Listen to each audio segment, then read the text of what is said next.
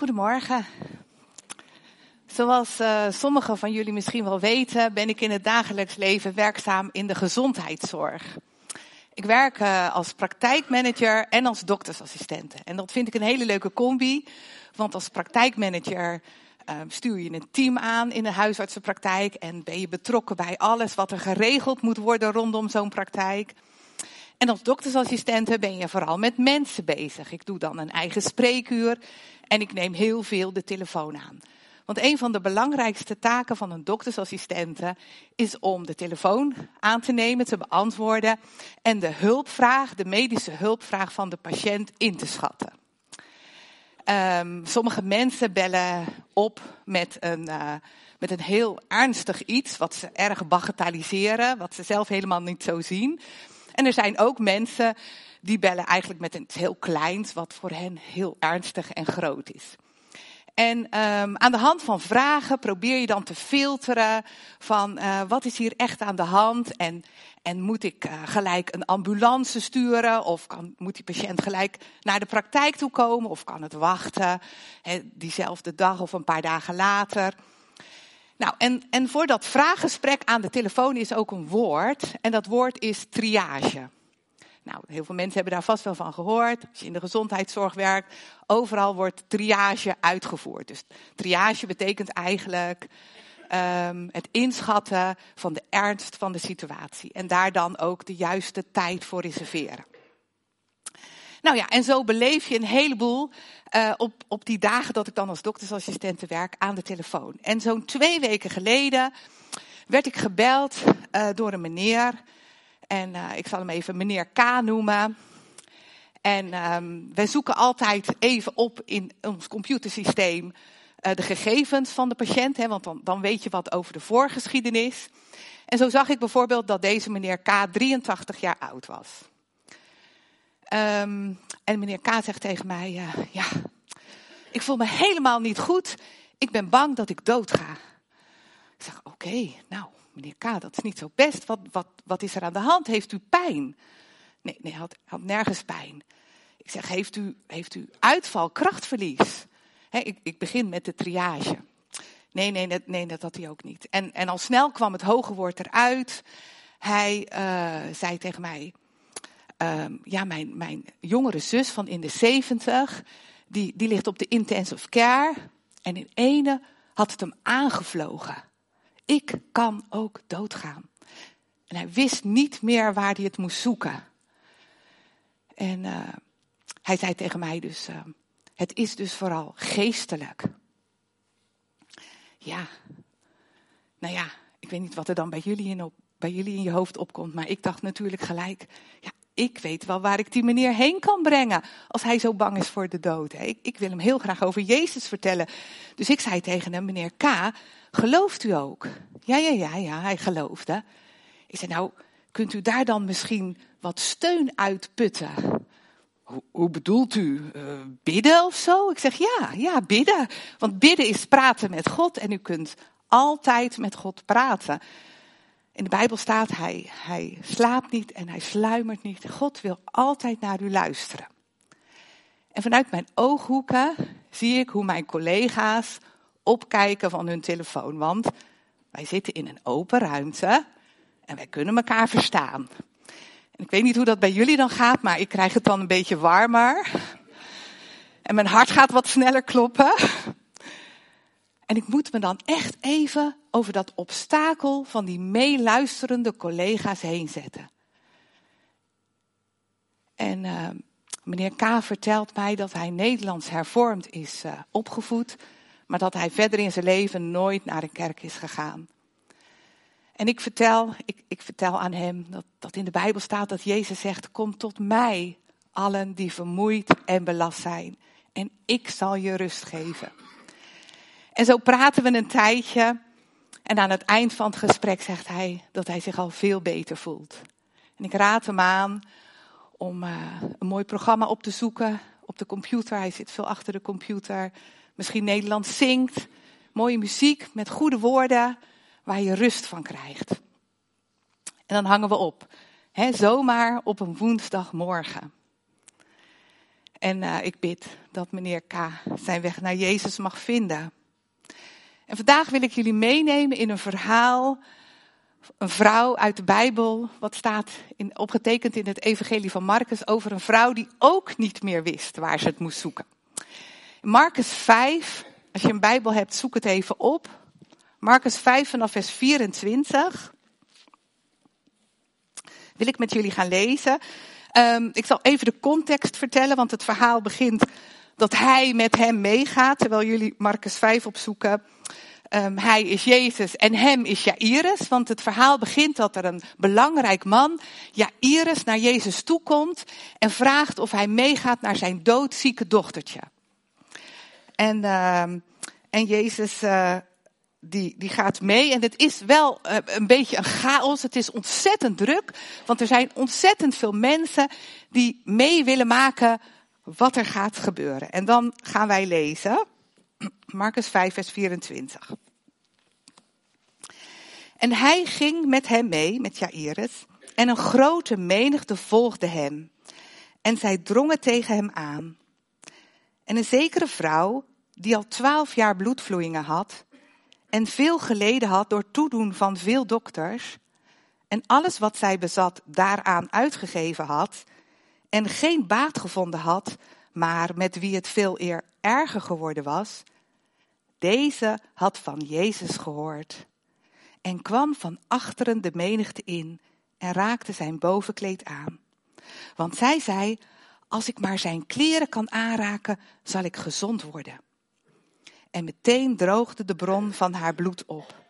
En merkte zij aan haar lichaam dat zij van die aandoening, letterlijk geesel, genezen was.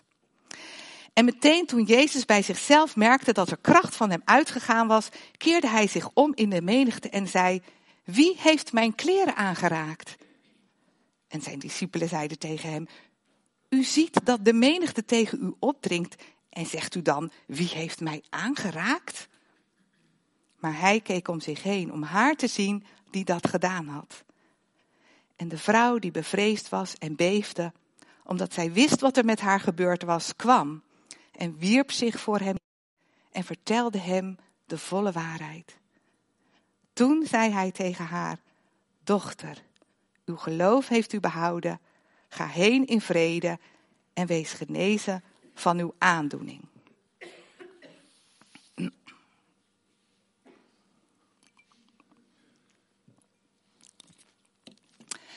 Een bijzonder verhaal. Ik vind het een ontroerend verhaal. Maar het is een verhaal wat in onze context nog niet eens zoveel vertelt als in de context van die tijd. Dus ik wil ook nog een heel klein stukje met jullie lezen uit het Oude Testament. Leviticus 15. En ik lees dat uit het boek. Leviticus 15, vers 25 tot 27. Daar staat. Als een vrouw bloed verliest, terwijl het niet de tijd van haar maandelijkse ongesteldheid is, of als ze langer bloed verliest dan normaal, dan is ze al de tijd dat ze bloed verliest onrein. Net zoals wanneer ze ongesteld is. Alles waarop ze ligt of zit in de tijd dat ze bloed verliest, is onrein. Net zoals wanneer ze ongesteld is. Als iemand deze dingen aanraakt, wordt hij onrein. Hij moet zijn kleren wassen en zich in water wassen. Hij is tot avond onrein. Nou, dit is zo'n heftige tekst, zo ver van ons bed. Maar we hebben het even nodig om te begrijpen, om echt te begrijpen wat daar gebeurt in Marcus 5. Want laten we even teruggaan naar het verhaal. Er was een vrouw, en we weten haar naam niet, we weten niet wie ze was. Maar wat we wel weten is dat ze twaalf jaar aan bloedverlies leed. En met de tekst in Leviticus weten we dus dat ze dus al twaalf jaar als onrein oud werd. Ze had bijna geen leven. Het betekende dat ze al twaalf jaar niet in het huis van God mocht komen. Ze kon de diensten niet bijwonen. En er was geloof dat ziekte een manier, Gods manier was om mensen te straffen. Dus de kans is ook groot dat haar familie ook haar, haar meet. Dus moet je indenken, twaalf jaar lang was er waarschijnlijk niemand met wie ze aan tafel had gegeten. want die tafel was onrein. Twaalf jaar lang niet geknuffeld. Niet gekust. Twaalf jaar lang kon ze nergens heen, mocht ze zich niet onder de mensen begeven. Kun je je voorstellen wat dat met je doet? Hoe pijnlijk? En misschien, misschien kunnen we ons corona nog een beetje herinneren. Hè? De begintijd, toen we ook niemand mochten ontmoeten of aanraken. Hoeveel mensen werden niet depressief ook in die tijd? Zeker alleengaande mensen. Ik bracht in die tijd een bloemetje naar de overbuurvrouw. Zij was net weduwe geworden en ze vertelde mij dat ze huidhonger had. Niemand om even mee te knuffelen. En corona, dat duurde één, twee jaar. Moet je voorstellen, twaalf jaar. En deze vrouw had alles geprobeerd om van die kwaal af te komen. Ze had, lezen we, al haar geld uitgegeven aan de dokters. Maar niets had geholpen. Maar dan staat er, deze heeft gehoord over Jezus. En dat vind ik zo'n krachtige tekst. Op een dag heb ik gehoord over Jezus. En dat heeft mijn leven veranderd. En ik hoop dat jullie, dat jij zoals je hier bent, ook op een dag hebt gehoord over Jezus. En dat dat je leven heeft veranderd. Of dat het vanaf vandaag je leven mag veranderen. En deze vrouw had gehoord over Jezus, maar er waren nog wel wat obstakels om te overwinnen. Als eerste moesten de religieuze wetten overwinnen om bij Jezus te komen. En misschien denk je, ah, dat was voor toen, dat is niet voor nu. En toch kom ik mensen tegen die door de religieuze wetten, waaronder ze leven, tegen worden gehouden om naar Jezus te gaan. En vaak door opvoeding. Is de genade van God wel echt voor mij? Heb ik wel genoeg berouw van mijn zonde? misschien ken je het zelf of in je familie. Maar we vinden het niet alleen in bevindelijke hoek. Er zijn zo, zoveel andere theologische bezwaren die je van Jezus af kunnen houden. Ik heb wel eens gehoord, nee, eerst moet ik antwoord hebben op al mijn vragen. Ik moet het helemaal snappen. Of iemand anders zei eens een keer tegen mij, ja, maar als ik mijn leven aan Jezus geef, dan mag ik een heleboel niet meer doen. En misschien zit je hier en val je wel keer op keer terug in dezelfde zonde. En houdt je schuldgevoel je tegen om naar Jezus te gaan. Maar weet je, juist in dat proces van vallen en opstaan, juist in dat proces van je twijfels en je vragen, dan mag je naar Hem toe gaan. En, en denk aan de wonderen en de kracht van God die we tegenkomen in de evangelie of in het boek Handelingen. Hoe vaak denken we dat het ja, toch eigenlijk alleen maar voor toen was. We zijn geneigd om tradities te bedenken en die in stand te houden, want dat geeft zekerheid. En deze vrouw, ze was ermee opgevoed. Ze kende Leviticus en ze had de afgelopen twaalf jaar alleen maar gehoord dat ze zich niet in de menigte mocht begeven. Maar op die dag had ze gehoord over Jezus. En ergens droom ik, hoop ik, dat wij worden als deze vrouw. Dat het niet meer uitmaakt wat ons geleerd is. Maar als we horen over Jezus. En als we al van alles hebben geprobeerd.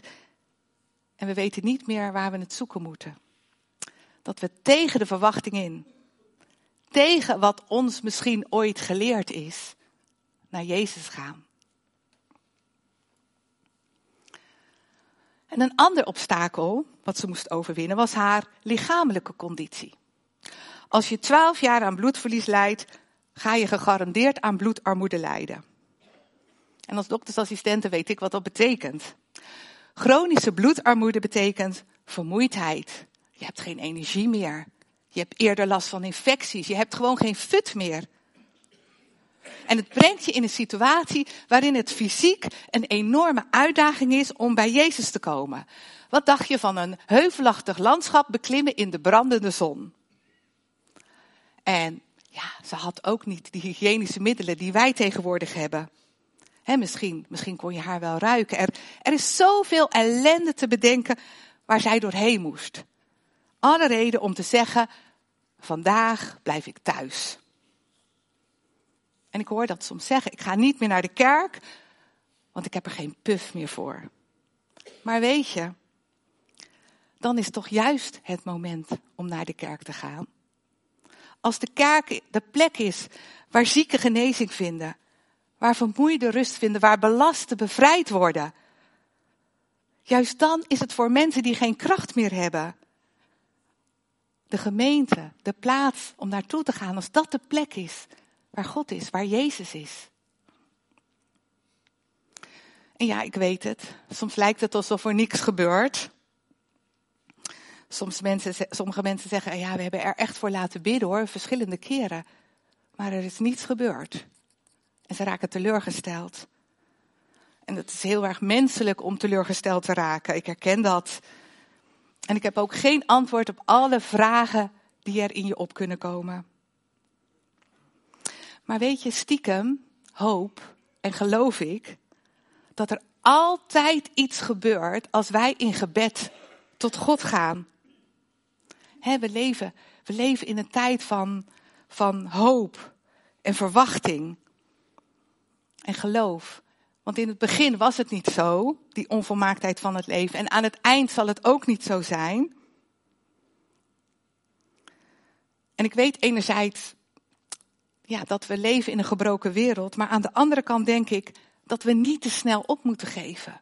Blijf bidden voor je kinderen, voor je familie, voor je huwelijk, voor je werk, voor jezelf. God belooft dat Hij meer wil geven dan wij bidden of beseffen. In de brief aan de Efeze staat, Hem nu, die blijkendste kracht welke in ons werkt, bij machten is oneindig veel meer te doen dan wij bidden of beseffen. En deze vrouw, zij gaf niet op. En we hebben het gehad over de religieuze wetten die haar tegen hadden kunnen houden. Haar lichamelijke conditie die haar tegen had kunnen houden. En zouden jullie nog iets kunnen bedenken wat haar tegen had kunnen houden? Schaamte. Ja, precies. Angst, schaamte voor de andere mensen. De mensenmassa, er stond dat ze zich tussen de mensen door moest wringen.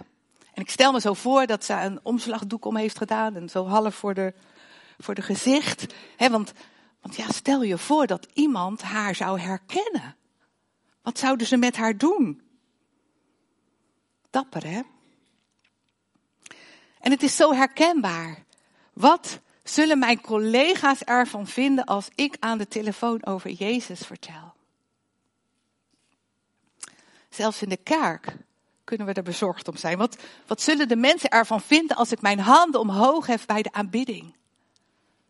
Wat zullen de mensen ervan vinden als ik naar het gebedsteam ga? Dan denken ze misschien wel dat ik hele grote problemen heb. Wat zullen de mensen denken als ik.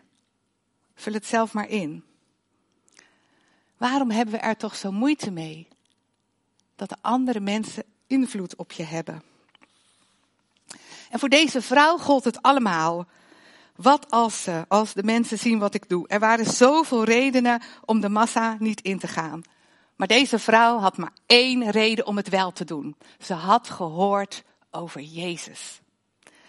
En als wij zeggen dat we Jezus volgen, dan moeten wij ons eigenlijk ook niet laten leiden door wat andere mensen ervan vinden we zouden moeten beseffen dat het veel meer gaat om wat God van ons vindt. En ik hoop dat wij met elkaar de komende weken daar eens extra stil bij gaan staan. Dat we gewoon ochtends vragen aan de Heilige Geest. Waar kan ik iets van u laten zien? Wie kan ik van u vertellen? Vraag de Heilige Geest je te leiden. Want je hebt wijsheid nodig als je tussen de massa beweegt.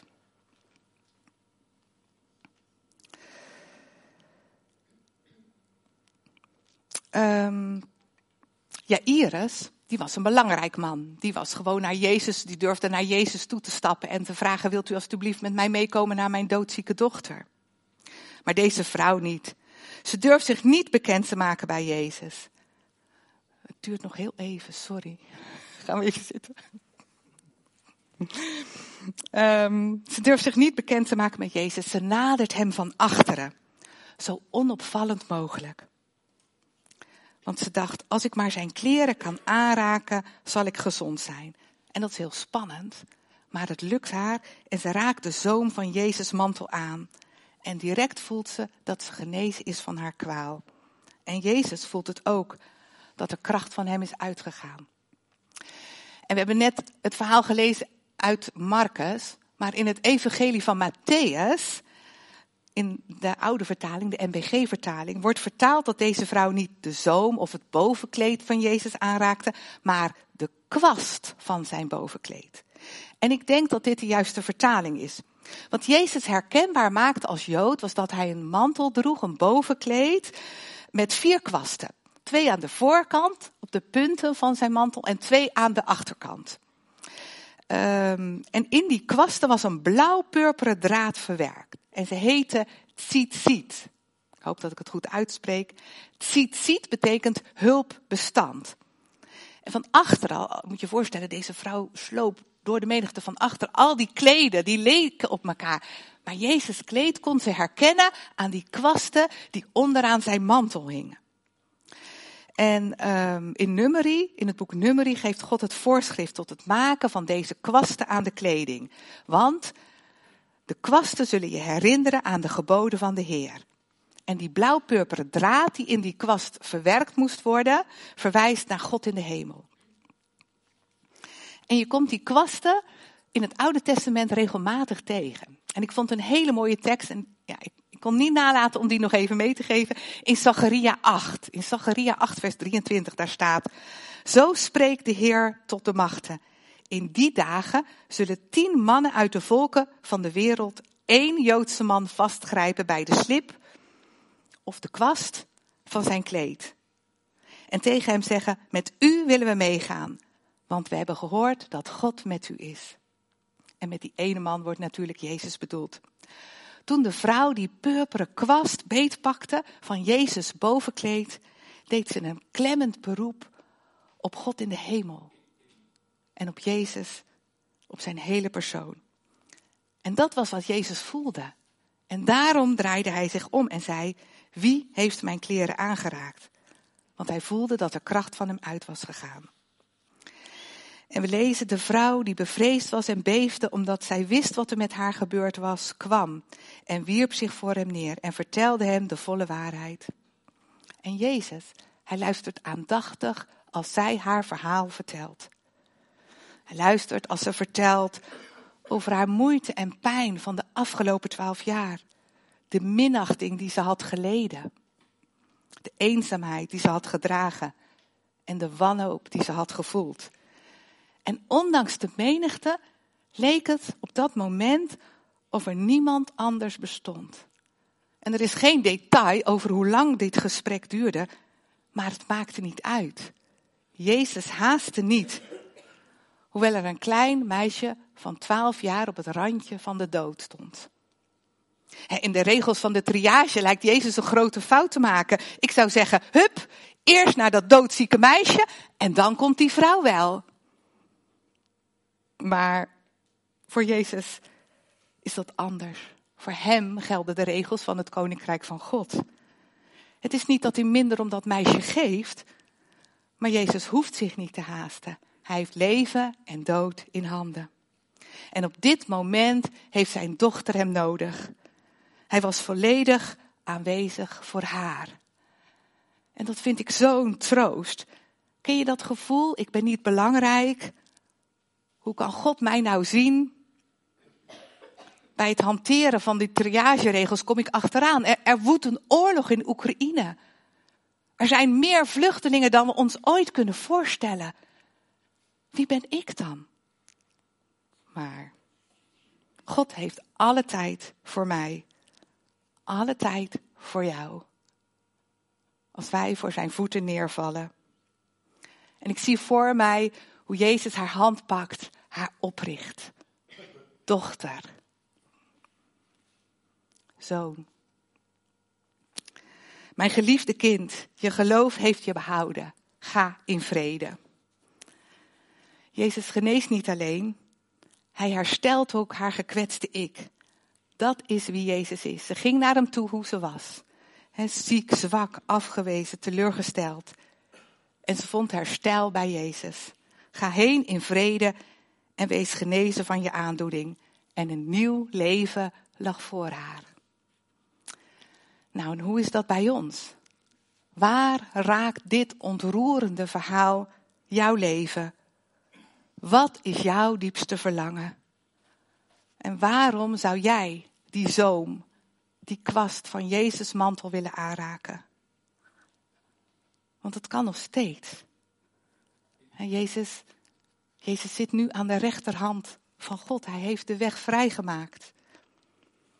We lezen de schrijver van het boek Hebreeën verwoord treffend. Die zegt, laten we daarom vrijmoedig naar de troon van God gaan. En hem om genade, om van hem genade te ontvangen, om hulp te krijgen. Juist in die ogenblikken dat wij het moeilijk hebben. Ik wil je vragen om nu even stil te worden, voor zijn voeten neer te vallen. Hem alles te vertellen in waarheid. Dochter van de Allerhoogste, zoon van de Allerhoogste. En daarna gaan we zingen. Jezus, Hij is de herder van mijn hart. Alles waar ik naar heb verlangd, Jezus. Hij heeft zich als een trouwe vriend bewezen, mijn Jezus. Hij is mijn oase midden in de woestijn. Ik ben van mijn geliefde en hij is van mij. Geef me Jezus, hem alleen. Laten we even stil worden.